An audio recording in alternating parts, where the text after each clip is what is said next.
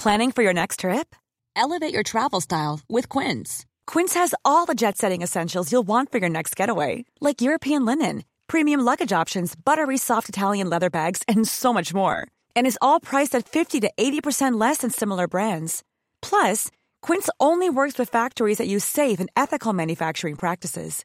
Pack your bags with high-quality essentials you'll be wearing for vacations to come with Quince. Go to quince.com slash pack for free shipping and 365-day returns. Hiring for your small business? If you're not looking for professionals on LinkedIn, you're looking in the wrong place. That's like looking for your car keys in a fish tank.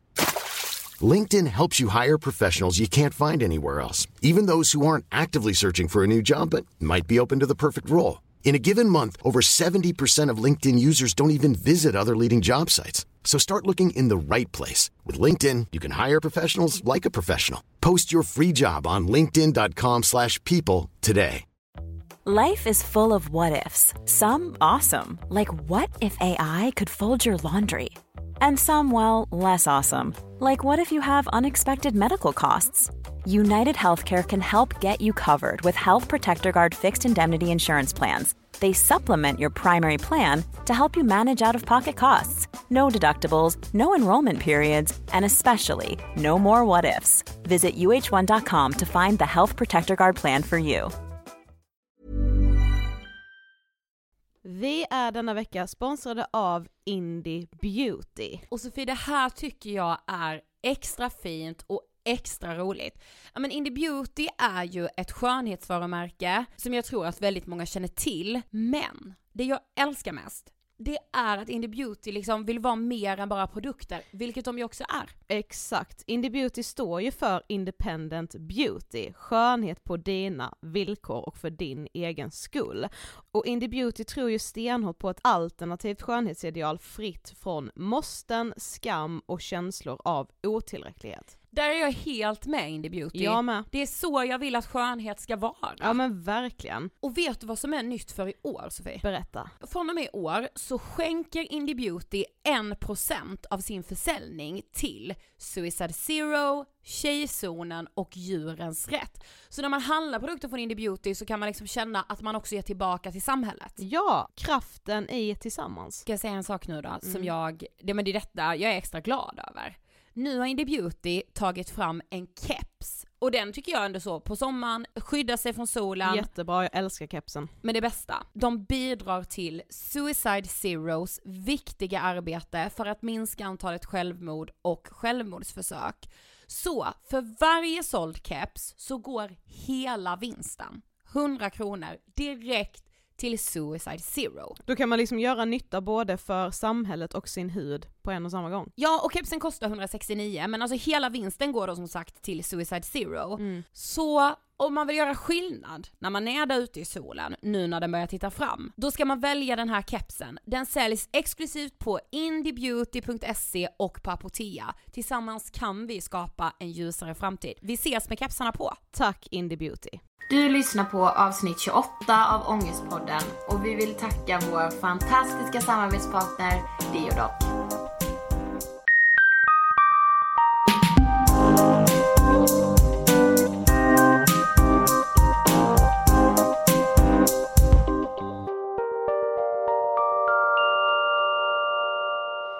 Välkomna till avsnitt 28 av Ångestpodden! Hej och välkomna! Tjo, katt. Vad du får säga. Ja. Jag tycker att vi kastar igång ämnet direkt för att jag är liksom taggad. Det här känns som mitt ämne. ja det är det, det är lite ditt avsnitt faktiskt. Ja, my time to shine. Mm. Så det är så här, jag är här men vi får se hur mycket jag pratar idag. vi ska nu prata om panikångest. Och det är väl eh, det ämne som du kan relatera mest till. Ja, alltså verkligen. Mm. Eh, ändå ett önskat ämne, men har du tänkt på det? Ja, det är väldigt många som har bett oss prata om det. Ja, vi jag- har bara, det kommer. Mm. Jag har varit lite nervös för det här för det är liksom På något sätt så blir man nervös när man ska prata om sig själv. Mm. För det är såhär bara, det här är jag, nu vet ni, jag känner exakt så här. Ja, och lite som vår bästa kompis Frida fick göra. Det var ju jättemånga som inte har vetat hur hon egentligen mådde under sin tid med bulimi. Precis. Och nu blir det lite samma sak för dig liksom. Ja, och sen blir man så här, men man bara tänk så känner ingen igen sig. Tänk så har jag inte alls haft panikångest. Tänk så håller jag verkligen på att bli galen. Men då sitter jag här mitt emot och säger att så är det inte. Nej men jag vet, sen så känner jag ju det också att Ja. nej. Men vi tänkte börja med att eh, läsa lite om vad panikångest är. Eh, Ja. Och det här kommer från panikångest.se. Eh, vad är panikångest? Panikångest är en plötslig attack av extrem ångest utan någon synlig anledning. Panikångest är inte farligt, men kan vara väldigt obehagligt att uppleva. KBT och antidepressiv medicin har visat sig bra resultat mot panikångest. Panikångest kommer ofta som en blixt från en klar himmel. Det kan börja med känslan av hjärtklappning, yrsel, darrningar och eller svårigheter att andas. Kroppen reagerar på detta med ännu mer ångest vilket till slut leder till katastroftankar och intensiv rädsla. Kroppen reagerar som om, du, som om du är under livshot fastän du egentligen inte är det. Tankar som “jag kommer att dö”, “jag har fått en hjärtattack”, “jag håller på att bli galen” är vanliga.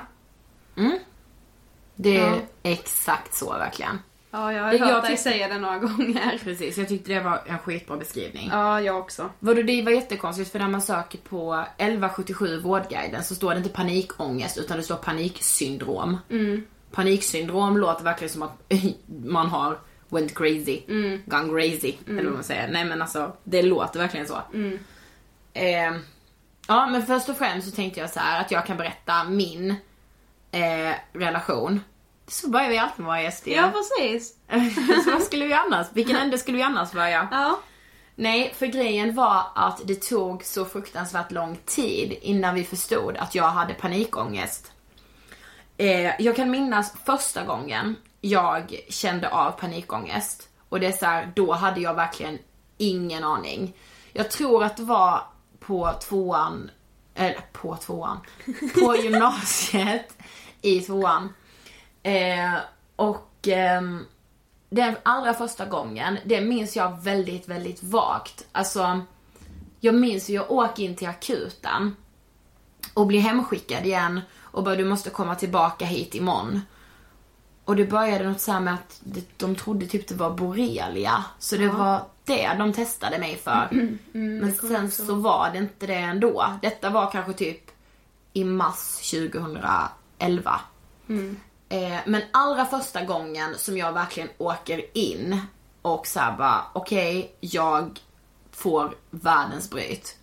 Det är trean på gymnasiet. Jag vet att min klass skulle på klassresa eh, till Berlin veckan innan, eller veckan efter det här.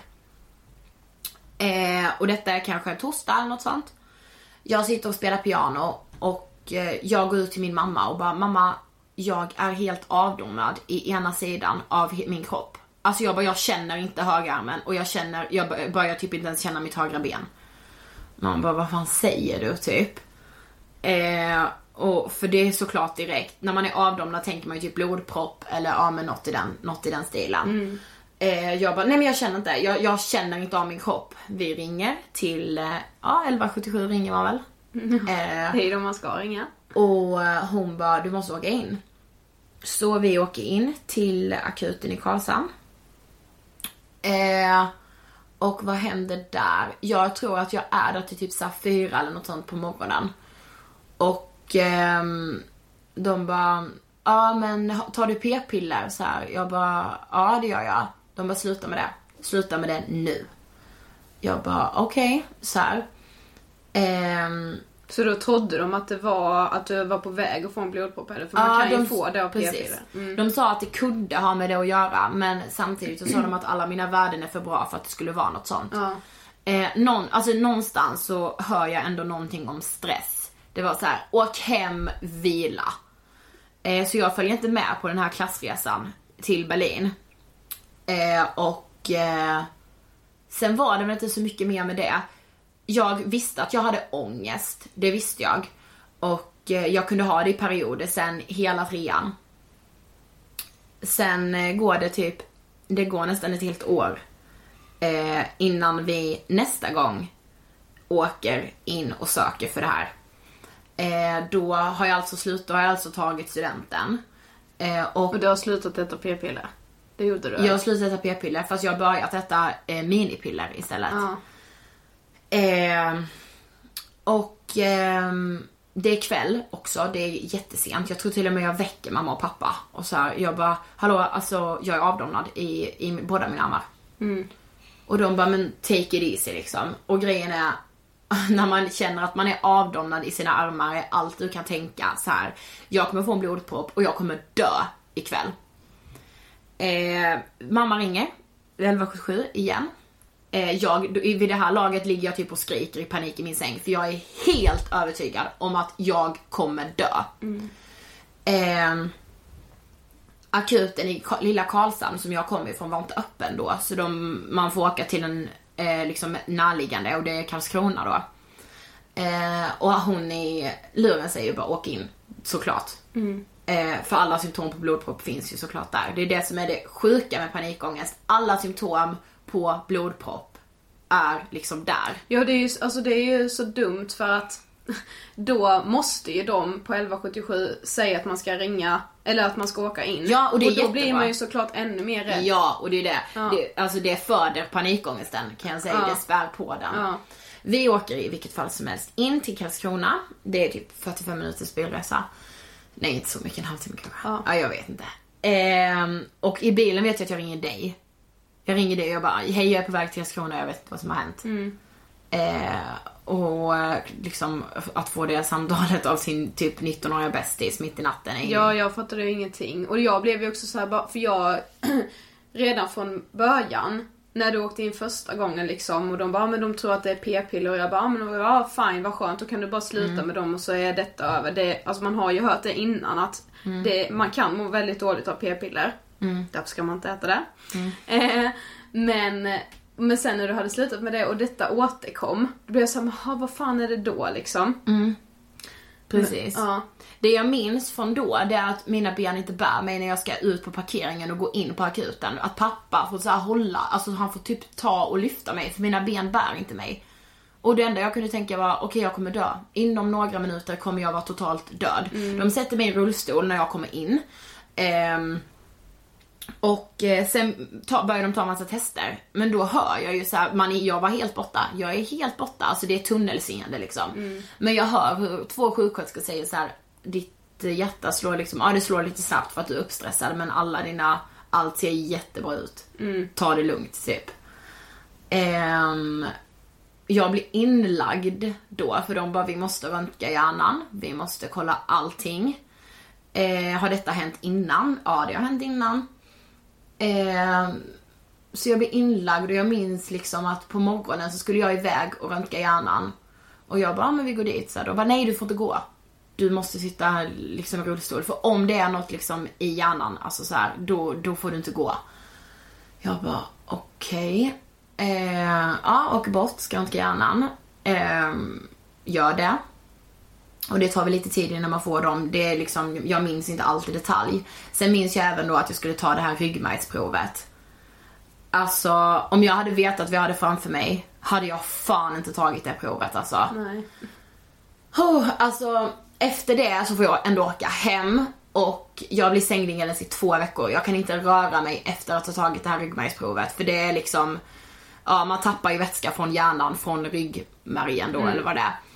Eh, och grejen är, de som drabbas allra värst av det, det är tjejer i tonårsåldern. Alltså så från liksom typ 15 till 20 år. Då blir du liksom sjuk efteråt. Men det som Och- händer också är väl att man får extremt ont i ryggen. man får extremt ont. Mm. Alltså extremt. Han bara, det här är den närmaste förlossning du kan komma. Jag bara, Bara, oh nice! ja precis. Ehm, så sen låg jag i två veckor helt pall. Ehm, de hade även skickat iväg mitt blod till någon sån här koagulationsexpertgrej i Malmö för att de så mycket trodde då att ja men det är en blodpropp, alltså hon kan inte ta p-piller, det måste vara det, sluta med det så här. Ja okej. Eh, åker tillbaka när alla prover och sånt är färdiga liksom efter typ en månad liksom är alla utredningar klara och det visar ingenting. Visst, någonstans blev jag ju såklart lugn men det var ju så här, men vad fan är det som händer med mig då? Jag blev ju sjukt irriterad då. För då Ja. var jag så här.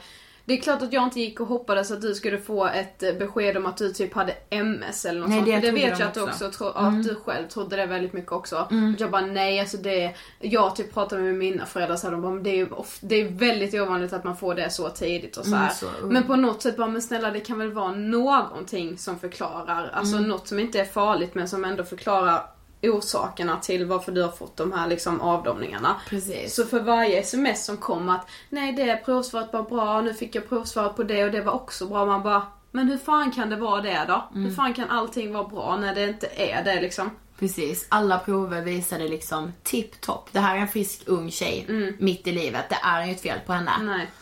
Ehm, men, men man bara, men okej, men hur kan jag bli så här som jag blir då? Sen så går det alltså ett halvår till innan vi ska äta på käka på McDonalds, ett kompisgäng. Jag får hoppa ur bilen när vi ska hämta upp en killkompis till mig. För jag höll, jag bara, jag spyr vilken sekund som helst. Men jag gör ändå inte det, sätter mig i bilen. Och då kommer det, mina armar så här domnar av. Och eh, alltså det blir som att jag är förlamad i armarna liksom. De åker upp typ nästan till hakan liksom och jag, de är helt stela. Eh, så min pojkvän då och du kör ju mig till akuten, sätter mig i en rullstol, in. Mamma och pappa kommer dit, la la la. Det här är en söndag så det är någon så här vikarierande, jag tror inte ens han var färdig läkare den här killen. Eh, han bara, du, ta det lugnt liksom, dina armar kommer gå ner. Om du bara andas lugnt. Ja okej, så här. Så efter kanske en halvtimme när man har lugnat sig och så här. Så säger han, han bara, alltså det här sitter, du har ingen blodpropp och du har, det är inget fel på dig så. Däremot tror jag att du har en pågående, haft precis haft en panikångestattack. Och vi bara, han bara du behöver nog prata med någon, det sitter i huvudet på dig liksom. Eh, och grejen var, alltså ni har ju sagt i efterhand att ni blev så himla lättade, både mamma och pappa och du. Mm, Ja för jag var ju också där då som Mm. sagt. Och då hade jag även fått köra i den rullstol. Jag var så det här är bara så jävla sjukt att jag Mm. får köra min bästa kompis i rullstol här.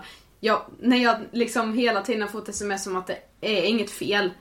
Men jag hade ju heller aldrig den tanken av att ah, men det är väl en panikångestattack. För när man är 20 år så har man aldrig pratat om panikångest i skolan eller med sina vänner eller någonting. Så man har inte en, en, den blekaste aning om vad det är. Så jag hade ju heller aldrig kunnat säga till dig bara, men det jag tror att det sitter i ditt huvud. Och även om jag hade sagt det som kompis blir det typ som en det känns som att det hade blivit som en förnedring. Att jag bara hade sagt till dig att men nej det jag tror att det sitter i ditt huvud. Ja, precis. Så när en läkare då sa det så blev jag så här bara ja, åh, äntligen alltså tack, ja. Precis. Det är ju det. Så då fick jag en tid bokad hos en läkare som jag pratade lite med. Hon typ gav mig några andningsövningar och sådär. Och sen har jag väl fått panikångestattacker som jag har kunnat hålla ganska så mycket i schack. Eh, från och till i typ ett års tid därefter då. Och sen så för ett år sedan så bestämde jag mig för att nej, nu måste jag ta tag i det här på riktigt. Nu måste jag gå i terapi för det här går inte. Eh, För då hade du ju ändå börjat så här lite, ja du kunde hålla dina attacker i skick, eller i schack.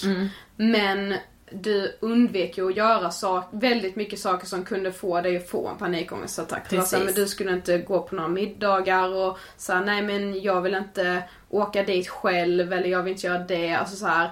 Exakt, alltså grejen är så här, om man först tar, jag tänkte, alltså jag kommer verkligen till det. Ehm, för jag tänkte så här, alltså just panikångestattacken i sig. Alltså för en person som inte har haft panikångest, alltså det, det går verkligen inte att beskriva det riktigt. Det gör inte det. Och jag är så jävla trött på media som typ kan dra ett löp och bara Erik Sade i panikångestattack innan han ska upp på scenen. Man bara, va? Typ.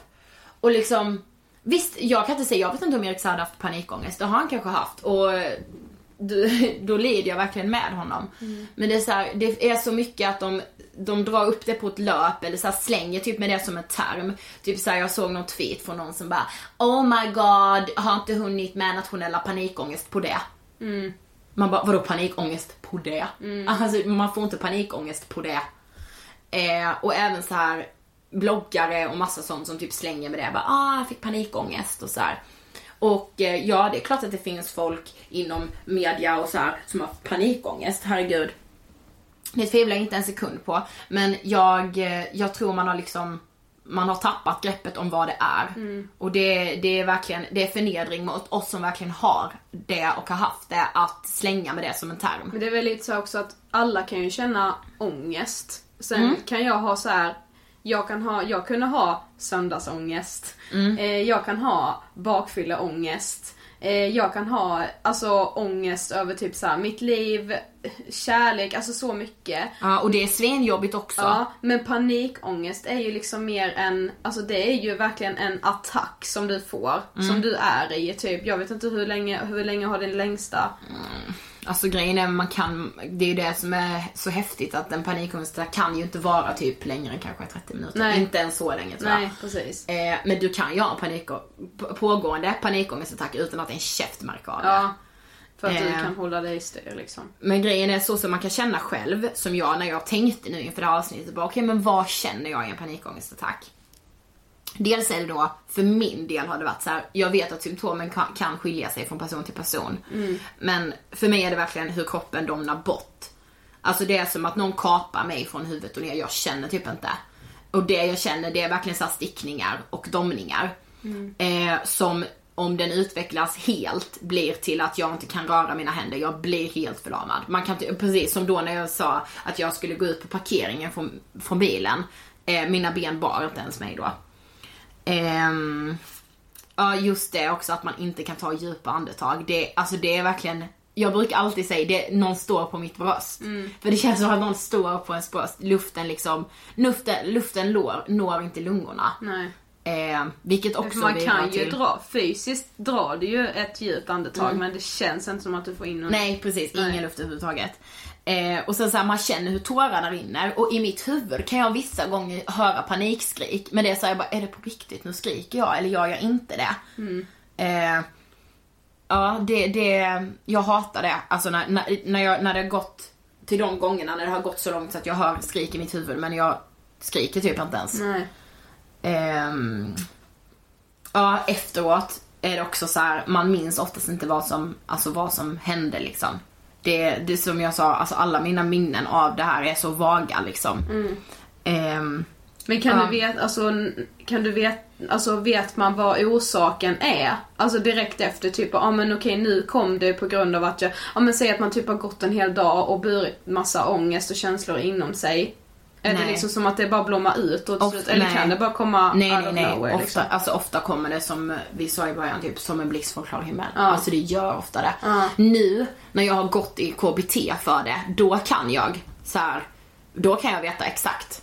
Exakt, exakt på pricken. Men alltså oftast så nej. Nej. Och inte så här, jag kan tänka när något händer mig så i livet. Att så här, ja ikväll kan det här bli tufft. Alltså det kan bli panikångest. Men grejen är alltså du kan få en panikångestattack två och en halv vecka efter att det har hänt. Ja. Då reagerar kroppen. Liksom på att bara, nej okej nu, nu går det inte längre. Nu är det dags. Ehm, Ja för det vet jag att du har sagt många gånger att när vi typ har haft så här, ja men mycket jobb, du vet det har varit stressigt eller det har varit någonting som man håller på att gå igenom som är lite jobbigt och så här. Det är oftast när allting är över som du börjar säga typ så här. Ja men ja, nu får jag typ magkatarr och nu kommer mycket ångest och så här, för nu är det över. Då är det som att kroppen slappnar av. Så är det typ ofta med så en vanlig förkylning också. När du är där och är i det och du går typ ut och håller på att frysa ihjäl och bara alltså jag kommer bli så sjuk och jag jobbar hela tiden, jag stressar. Sen när du väl får ledigt, det är då förkylningen blommar ut. För att det är Precis. då kroppen liksom slappnar av. så, lite så är det med panikångest också. Ja. I alla fall för min del har det varit så. Men sen en sak som jag tänkte med när jag tänkte så här, men hur känner man och hur, alltså så här. Grejen är ju, det man också känner, det är ju skammen. Alltså den är ju, den är så jävla stor. Och jag och Frida har jämfört det med att efter att hon har kräkts. Ja. Så alltså, när hon, när hon hade bulimi då, så kom den här skammen. Och exakt så är det typ efter en panikångestattack också. För man bara, ah, jag tappade typ kontrollen helt och hållet. Speciellt om man tappar kontrollen, alltså inför någon. Even when we're on a budget, we still deserve nice things. Quince is a place to scoop up stunning high-end goods for 50 to 80% less than similar brands. They have buttery soft cashmere sweaters starting at $50, luxurious Italian leather bags, and so much more. Plus, Quince only works with factories that use safe, ethical, and responsible manufacturing. Get the high-end goods you'll love without the high price tag with Quince. Go to quince.com slash style for free shipping and 365-day returns. I'm Sandra, and I'm just the professional your small business was looking for. But you didn't hire me because you didn't use LinkedIn jobs. LinkedIn has professionals you can't find anywhere else, including those who aren't actively looking for a new job but might be open to the perfect role, like me. In a given month, over 70% of LinkedIn users don't visit other leading job sites. So if you're not looking on LinkedIn, you'll miss out on great candidates like Sandra. Start hiring professionals like a professional. Post your free job on linkedin.com/people today. Quality sleep is essential. That's why the Sleep Number Smart Bed is designed for your ever evolving sleep needs. Need a bed that's firmer or softer on either side? Helps you sleep at a comfortable temperature? Sleep Number Smart Beds let you individualize your comfort so you sleep better together. JD Power ranks Sleep Number number 1 in customer satisfaction with mattresses purchased in-store. And now, save 50% on the Sleep Number limited edition Smart Bed for a limited time. For JD Power 2023 award information, visit jdpower.com/awards. Only at a Sleep Number store or sleepnumber.com.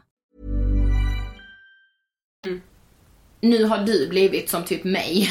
Alltså så här, du har, nu, nu är det ingen skillnad om jag tappar kontrollen framför dig. Nej. Men allra första gången jag gjorde det och jag visste så här: okej Sofie se på mig nu att jag har panikångest.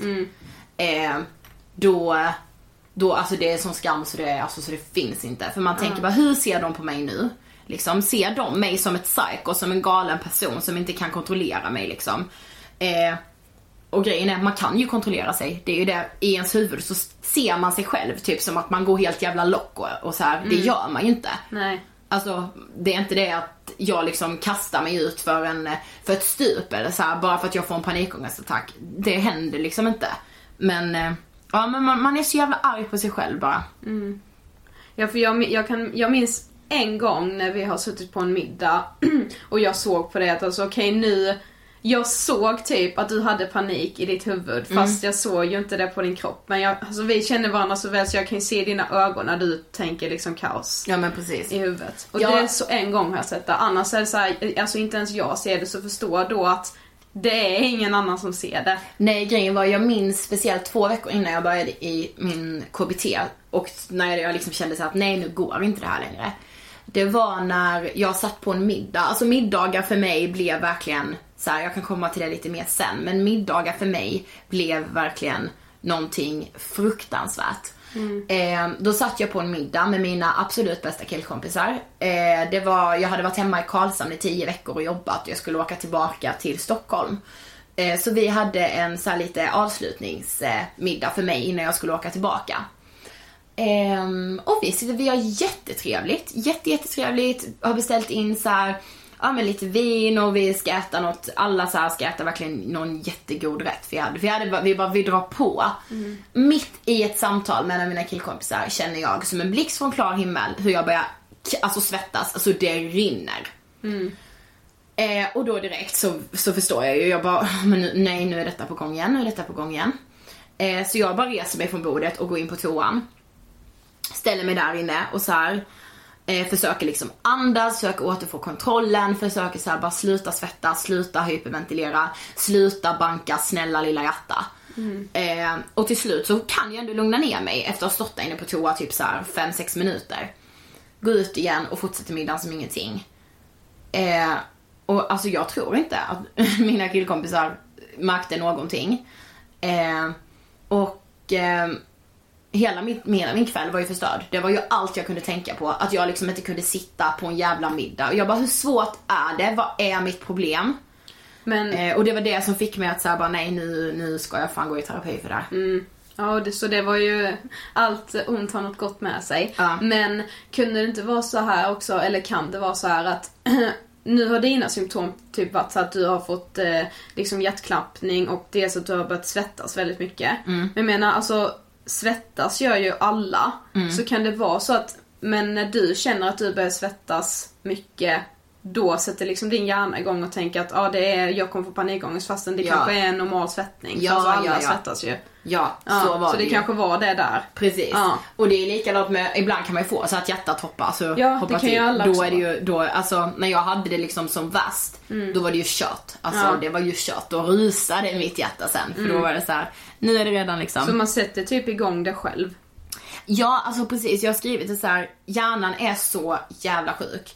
För alltså har du väl fått en panikångestattack vid ett tillfälle eller på en plats, då kommer kroppen ihåg det.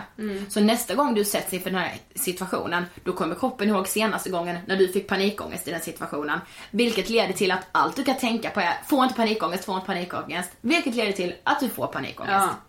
Eh, Det är det som är så, alltså Alltså allt man tänker då är så här, de här symptomen får inte komma. Jag får inte svettas, mitt hjärta får inte rusa, jag får inte få avdomningar, jag får inte skaka, jag måste liksom vara skärpt. När det är allt du tänker på, minsta lilla förändring då i din kropp tar du som att så här, nu, nu kommer det, nu är det igång.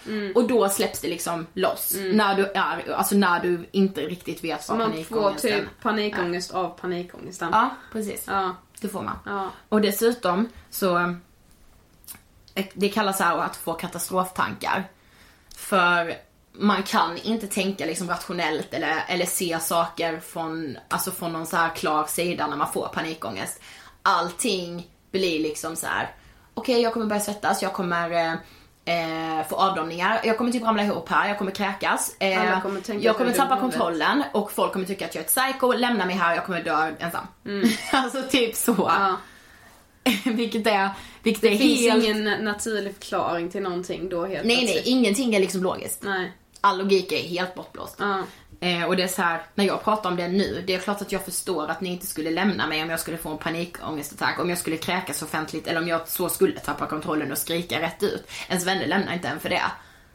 Men man är så jävla jävla rädd för det. Och man skäms, alltså man har sån jävla skam för man bara, hur kan jag inte ens göra de här mest, eh, mest vanliga vardagliga sakerna? För jag alla minns- andra kan ju göra det liksom. Precis. Jag minns här när jag liksom, grejen är så här, när man väl börjar i KBT för sin panikångest, då ska man ner och gräva på djupet. Då ska du utsätta dig för allting som du tycker är allra läskigast. Du får, det första, får för det första all fakta om panikångest, vilket gör så här, okej nu vet jag allting som händer. Vilket gör att efter typ tre veckor i terapi, då kommer det första bakslaget. Som är, alltså det är fruktansvärt. Och man tror så här att jag kommer aldrig ta mig upp härifrån. Det blir lite så här depression, alltså det blir inte depression, men det blir som någon light-version av en depression för man man lever i panikångesten hela tiden. Att gå i KBT är jättejobbigt. Man måste jobba sjukt mycket själv. Det måste man verkligen. Det är inte så här en lätt match att gå i KBT. Eh, så jag minns då när mitt sånt bakslag hade kommit till min KBT att jag skulle gå ner till ICA, jag skulle köpa ett anteckningsblock. Innan jag skulle gå ner där, alltså det var liksom en sån sjuk förberedelse. Det var verkligen så här. okej vad ska jag säga i kassan? Jag ska bara ha det här. Eh, jag ska bara betala, sen ska jag gå ut och gå hem igen. Jag kommer inte behöva säga någonting annat. Bara, ja, så gjorde jag det då så här. Och, och det liksom, alltså det var sån panik inom mig under den här tiden. Och allt man liksom kan tänka då är ju såhär, jag kommer aldrig kunna leva normalt igen. Aldrig någonsin. Jag, Den här panikångesten har förstört mitt liv och jag skulle inte ens ha börjat i KBT och dragit upp det. Hur, hur ofta var du i din KBT? En gång i veckan. Till att börja med. Eh, Är det typ det vanligaste eller? Ja, det är vanligast. Ja. Vissa, vissa kör väl kanske två gånger i veckan så här. men eh, ja, en gång i veckan är liksom vanligast. Eh, grejen var att för mig blev det ju verkligen så här. alla sociala sammanhang började jag bli rädd för. Eh, det hann inte gå så långt för mig eftersom jag började i KBT så att jag verkligen avskärmade mig från så här, började avskärma mig, vilket jag vet att många gör när de får panikångest. Eh, sen hade jag en jävligt bra terapeut också. Som verkligen, alltså utan henne så vet jag inte vad jag, alltså, vad jag hade varit. Det gick fort för mig att liksom ta mig ur det. Eh, men just det här med det, med det sociala och som för mig då middagar. Alltså nu är det så här, nu lägger jag ingen vikt för det. Ja, jag ska på en middag. För liksom ett halvår sedan så kunde inte jag tänka mig att jag skulle klara av att sitta på en middag. Nej. Och sen måste man ju typ, som, alltså när man börjar i KBT då. Alltså man måste ju så här tänka själv bara, ja men hur, hur, liksom, hur blev det så här? Och för alla finns det inte en utlösande faktor och eh, man behöver liksom inte klandra sig själv. Men för min del, och som jag tror att ganska många kan känna igen sig i, så är det så här. så länge jag kunde minnas så hade jag verkligen byggt upp en bild av den jag var, den jag skulle bli och så här Den som alla andra skulle se. Precis. Och det var såhär, ja ah, men jag är en tjej som, jag tror alltid på mig själv, liksom såhär cool och obrydd och ja men alltid så jävla säker, stadigt liksom. Allt skulle vara stadigt liksom med mig. Eh, och så här, bara, ah, jag vet alltid mitt eget värde och ja, men jag, jag är skitduktig i skolan, jag kommer få ett välbetalt jobb. Allting var liksom utstakat. Och mamma och pappa har väl alltid varit så här, de har försökt backa tillbaka mig. För de har varit så här, de har väl med känt att det är inte bra att hon är så. Men det, alltså det har liksom inte gått för jag har bara, det är som att jag är född sån. Jag är bara sån som person. Och det är verkligen livsfarligt att vara det. Jag förstår det nu. Alltså det är att sätta krokben på sig själv på ett sjukt sätt. Alltså det är verkligen det. Ja det är det. Eh, för det var, alltså men allt började bli så här: prestera, prestera, vara snygg, få uppmärksamhet. Eh, var partyprinsessa, var entreprenör, var duktig i skolan, var en drömtjej för en kille som du skulle dejta. Var perfekt, för helvete det går. Så här, bara folk säger att man inte kan vara perfekt. Jo, jag ska motbevisa det, jag ska vara perfekt. Eh, och det är så här, nej alltså det går inte. Alltså, vi, alltså det är så här, det går inte! Jag vill liksom bara, för jag vet att det finns liksom både tjejer och killar som sitter och tänker att jo, jag måste vara perfekt. Och så här, det finns så många som lever ett liv som på pappret ser ut att vara helt dröm perfekt. Men alltså bakom det så kan man må så jäkla dåligt. Och ja, det, det är inte värt att sträva efter en sån perfektion. Men i vilket fall som helst, det blev ju att jag liksom, när jag började känna att jag klarar inte av det, jag får panikångest av det. Då känner man ju sånt självhat som, alltså det är inte av denna värld liksom. För man blir så här, jag känner inte igen mig själv. Och allt jag kunde tänka var så här, mina tankar och mina känslor står liksom över mig. Över mig som person. Alltså jag vet inte om ni förstår, men jag hoppas det. Eh, och sen som jag alltid har sagt men när jag får panikångest, det är så här, känslorna får inte plats i kroppen längre. Nej det har du sagt så många gånger. Ja. Att typ, det känns som att min ångest är liksom som en typ bubbla utanför mig liksom. Och jag kan inte komma utanför den bubblan för jag är där Precis. inne. Och från att ha varit en tjej som var liksom ganska obrydd om vad folk tänkte och tyckte och allt. Så blev det så centralt i mitt liv. Det blev så här, helt plötsligt brydde jag mig svinmycket om vad folk tyckte om mig. Och jag var såhär, men vad har folk för bild av mig? Och eh, tänk så får de fel bild av mig. Eh, de ska ju ha den här bilden av att jag är perfekt. Ja, jag tror det och... var, för det var så här. du blev liksom bry, väldigt brydd om att de skulle fortsätta ha den bilden av dig som du själv hade byggt upp. Även om Precis. du själv inte kanske var den personen längre så skulle alla fortfarande ha den bilden. Ja, och då kändes det som för mig att jag hade saker att leva upp till hela Då tiden. skulle du helt plötsligt prestera av att vara dig själv. Ja, exakt. Ja. Ehm, och det, alltså det är klart att det är ohållbart. Det är klart Ja, att det är det är ingen som ohållbart. pallar leva så. Nej, det går inte. Och eh, sen så har jag liksom i perioder haft mycket ångest fram och tillbaka. Jag är en väldigt känslig och, känslig och känslosam person. Så ångest har liksom alltid funnits nära till hands. Eh, men inte, inte liksom i ett så okontrollerbart sätt som det blev med panikångesten. Och sen att också det var liksom, alltså det är ingen som vet det. Alltså det är ingen som har vetat det här om mig. Och jag tror att panikångest drabbar så många människor, eller det vet jag att det gör, det finns det ju statistik på. Eh, så de personerna som ni liksom tänker så här och bara, men hon har ett perfekt liv eller han, han verkar vara så trygg i sig själv och allting sånt. Det behöver verkligen inte vara så. Och om man har panikångest så tycker jag verkligen att att inte skämmas för sin panikångest är typ det svåraste. Men alltså man ska verkligen inte skämmas. Alltså jag Men gör verkligen inte det det är också som är den bästa medicinen. För så länge, när du inte skäms, Mm. om du kommer till den insikten att du inte behöver skämmas, då behöver du heller, heller inte få de här katastroftankarna. Precis. Då är det mer såhär, ja ah, men får jag det nu så fine. Alltså då kommer du inte stressa upp dig själv Jag vet. så mycket som man gör när man... För grejen det med panikångest, det är så här, det är det obehagligaste en människa kan vara med om. Det är typ det. Jag och min psykolog har pratat om det så här. Ja men det är väl det närmsta sinnet kan komma och känna hur det känns att dö. För man tror verkligen Ja, att det är så. ja men så kan man nog säga. Alltså, ja. För det, det är det man är så övertygad. Ja. Men samtidigt så är det det mest ofarliga. Och det är så jävla coolt. Kroppen pallar liksom inte. Alltså det går liksom över. Kroppen klarar inte panik, den paniken hur länge som helst. Så den kommer stänga av sig själv. Även om du inte kan lugna dig, vilket man lär sig. Eh, men och, när man typ får sin första panikångestattack och inte kan lugna sig. Man tänker att jag är död inom 10 minuter. Så kommer du inte vara det för kroppen, kroppen pallar liksom inte så länge så den stänger av sig själv även om man fortsätter hyperventilera. Det går inte mer. Nej, precis. Ehm, och det är faktiskt eh, fett. Ja.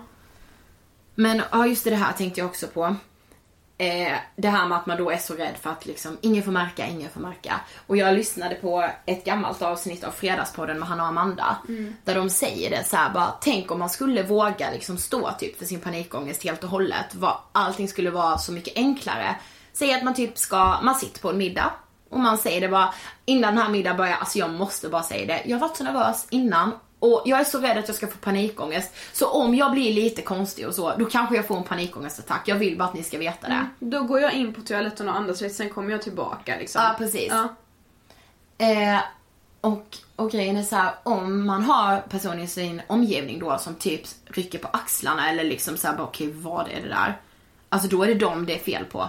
Det är aldrig någonsin fel på dig för att du har panikångest. Nej. För det är liksom, det är så naturligt typ. Ja, och om det skulle vara någon som rycker på axlarna för det, så har du ändå fått säga det och det kommer ju hjälpa dig liksom. Precis. För de vet då. Och okej, mina tips. Så här, För idag har jag ju med mig verktyg så nu vet jag hur man hanterar det. Nu var det länge sedan jag fick en liksom panikångestattack. Jag kan ju känna att det är på väg men jag kan liksom, jag är kung över min panikångest. Den styr inte mig längre utan jag styr den. Eh, det är också skitindividuellt såklart. Och det kanske inte funkar för alla men det är verkligen så här: prata, prata, prata, prata om det. Gå i terapi, prata med någon som kan, prata med dina vänner, prata med dina föräldrar, prata med någon på skolan, på, på jobbet, vad som helst. Prata om det. Det är verkligen, det har hjälpt mig så otroligt mycket. Och det, alltså det är jag övertygad om att det hjälper alla. Och också så här, för det, det tyckte jag var jätteskönt då när du typ hade fått tips om någon bok som du skulle läsa. Och det var några papper som du fick från din terapeut och sånt. Att gör det med någon som kanske väldigt ofta är med dig när du kan få en panikångestattack. För då, då, alltså jag har också blivit så informerad av, om vad panikångest är och vad som Precis. händer i kroppen och jag vet också att det är ofarligt. Så Ja. att sen att när du väl, om du väl får en panikångestattack, det finns inte så jättemycket som jag kan göra när du redan har fått den. Nej. Men jag är också medveten om att om en halvtimme så kommer det vara över liksom. Precis. Och det är inte farligt. Jag behöver inte ringa någon. Nej men exakt. Ja. En annan sak också som jag tänkte så här, det här är bullshit. För jag har alltid tänkt så om typ så här, bara, ah, men andning och tänk på det här. Men alltså det är A och O att kunna andas. Alltså nu är det så här, jag kan andas mig ur vilken situation som helst, fan i mig. Eh, för det är verkligen jätteviktigt och det tar typ med lite tid att lära sig. Men eh, det är skitviktigt. Och sen såklart så här, panikångest handlar om att övervinna sina rädslor för då till exempel olika situationer eller platser där man har fått en panikångestattack tidigare. Och eh, jag vet att det kallas agorafobi, att vara rädd, som jag var rädd då till exempel för middag eller för ma- folk kan vara rädda för att åka tunnelbana eller vad man nu än har fått liksom, panikångestattacken. Gör det som skrämmer dig allra mest. Alltså i små steg. Sitt på en middag med en person, sitt på en middag med två personer, tre personer. Eh, så här, åk eh, och försök åka liksom tunnelbana på en tid när det inte är så mycket liksom rusningstrafik. Till slut kommer du kunna åka klockan 16 när alla slutar jobbet. Eh, eller om man får panikångest när man får tala i en grupp. Börja med att prata inför mamma, typ. Och sen så pappa och sen så ett syskon också liksom. Det är så här, gör det som skrämmer dig allra mest i små steg. För det, det är typ enda sättet att verkligen så här bli av med det helt och hållet. Och det, alltså det är så kämpigt och man måste belöna sig efter varenda gång man har lyckats liksom ett litet steg. Eh, och sen så, alltså till alla, inte bara de som har panikångest, det är så här avdramatiserade. Alltså för det är inte så dramatiskt. Nej. Det är liksom typ, ja, jag vet inte hur många procent det är, men det är en stor del av Sveriges befolkning som, som, drabbas, av, inte, som drabbas av panikångest. Vissa som lyssnar på den här podden kanske redan har det. Vissa har inte ens drabbats ännu, men ni kommer göra det. Och, Och eh, annars så är jag helt övertygad om att ni vet någon som har gjort det. För att det är Ja. typ så alla vet någon. Det är det. Och sen så här, men det är så himla okej att vara svag. Och som jag har tänkt så hela tiden, vi måste släppa ut den lilla paniken som finns inom oss. För den, den, den får inte plats där. Det är därför den måste ut. Och det är så här, man kan inte gömma sig från den. Och man kan inte springa ifrån den. Och sen som jag alltid haft med mig. Det är så här, det är bara skitkreativa personer som drabbas av panikångest. För vi, vi tänker för mycket. Och det, det, det har jag alltid med mig nu. Det säger jag bara, jag är så jävla kreativ så jag har till och med fått panikångest. Så, så tänker jag typ idag. Ja, det är sant. Ja. Det var typ allt om panikångest va? Ja. Ni får jättegärna höra av er om ni, det är någon som kan känna igen sig eller om ni har andra erfarenheter. Ja, nu är det typ bara jag som har pratat idag. Ja men, ja vad ska jag säga då? jag har inte själv upplevt panikångest men jag har stått vid sidan om och det är också jättejobbigt men eh, ja. Jag har också Du har verkligen stått vid sidan om vid både bulimi och panikångest. Ja. jag har varit med om mycket jag också.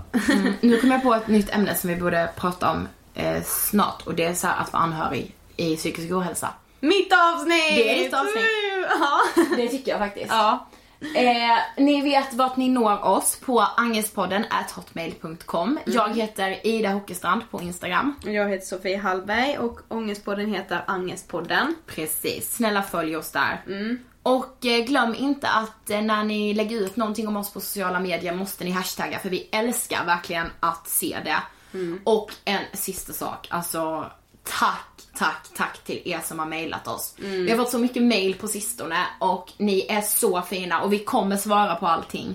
Eh, vi har bara varit lite sega i processen nu när det varit sommar. Lite Men kommer- semester måste man ha. Ja. Okej Men- hörni. Ja, ha det så bra tills nästa vecka. See, love you all. See you later. Puss, hejdå!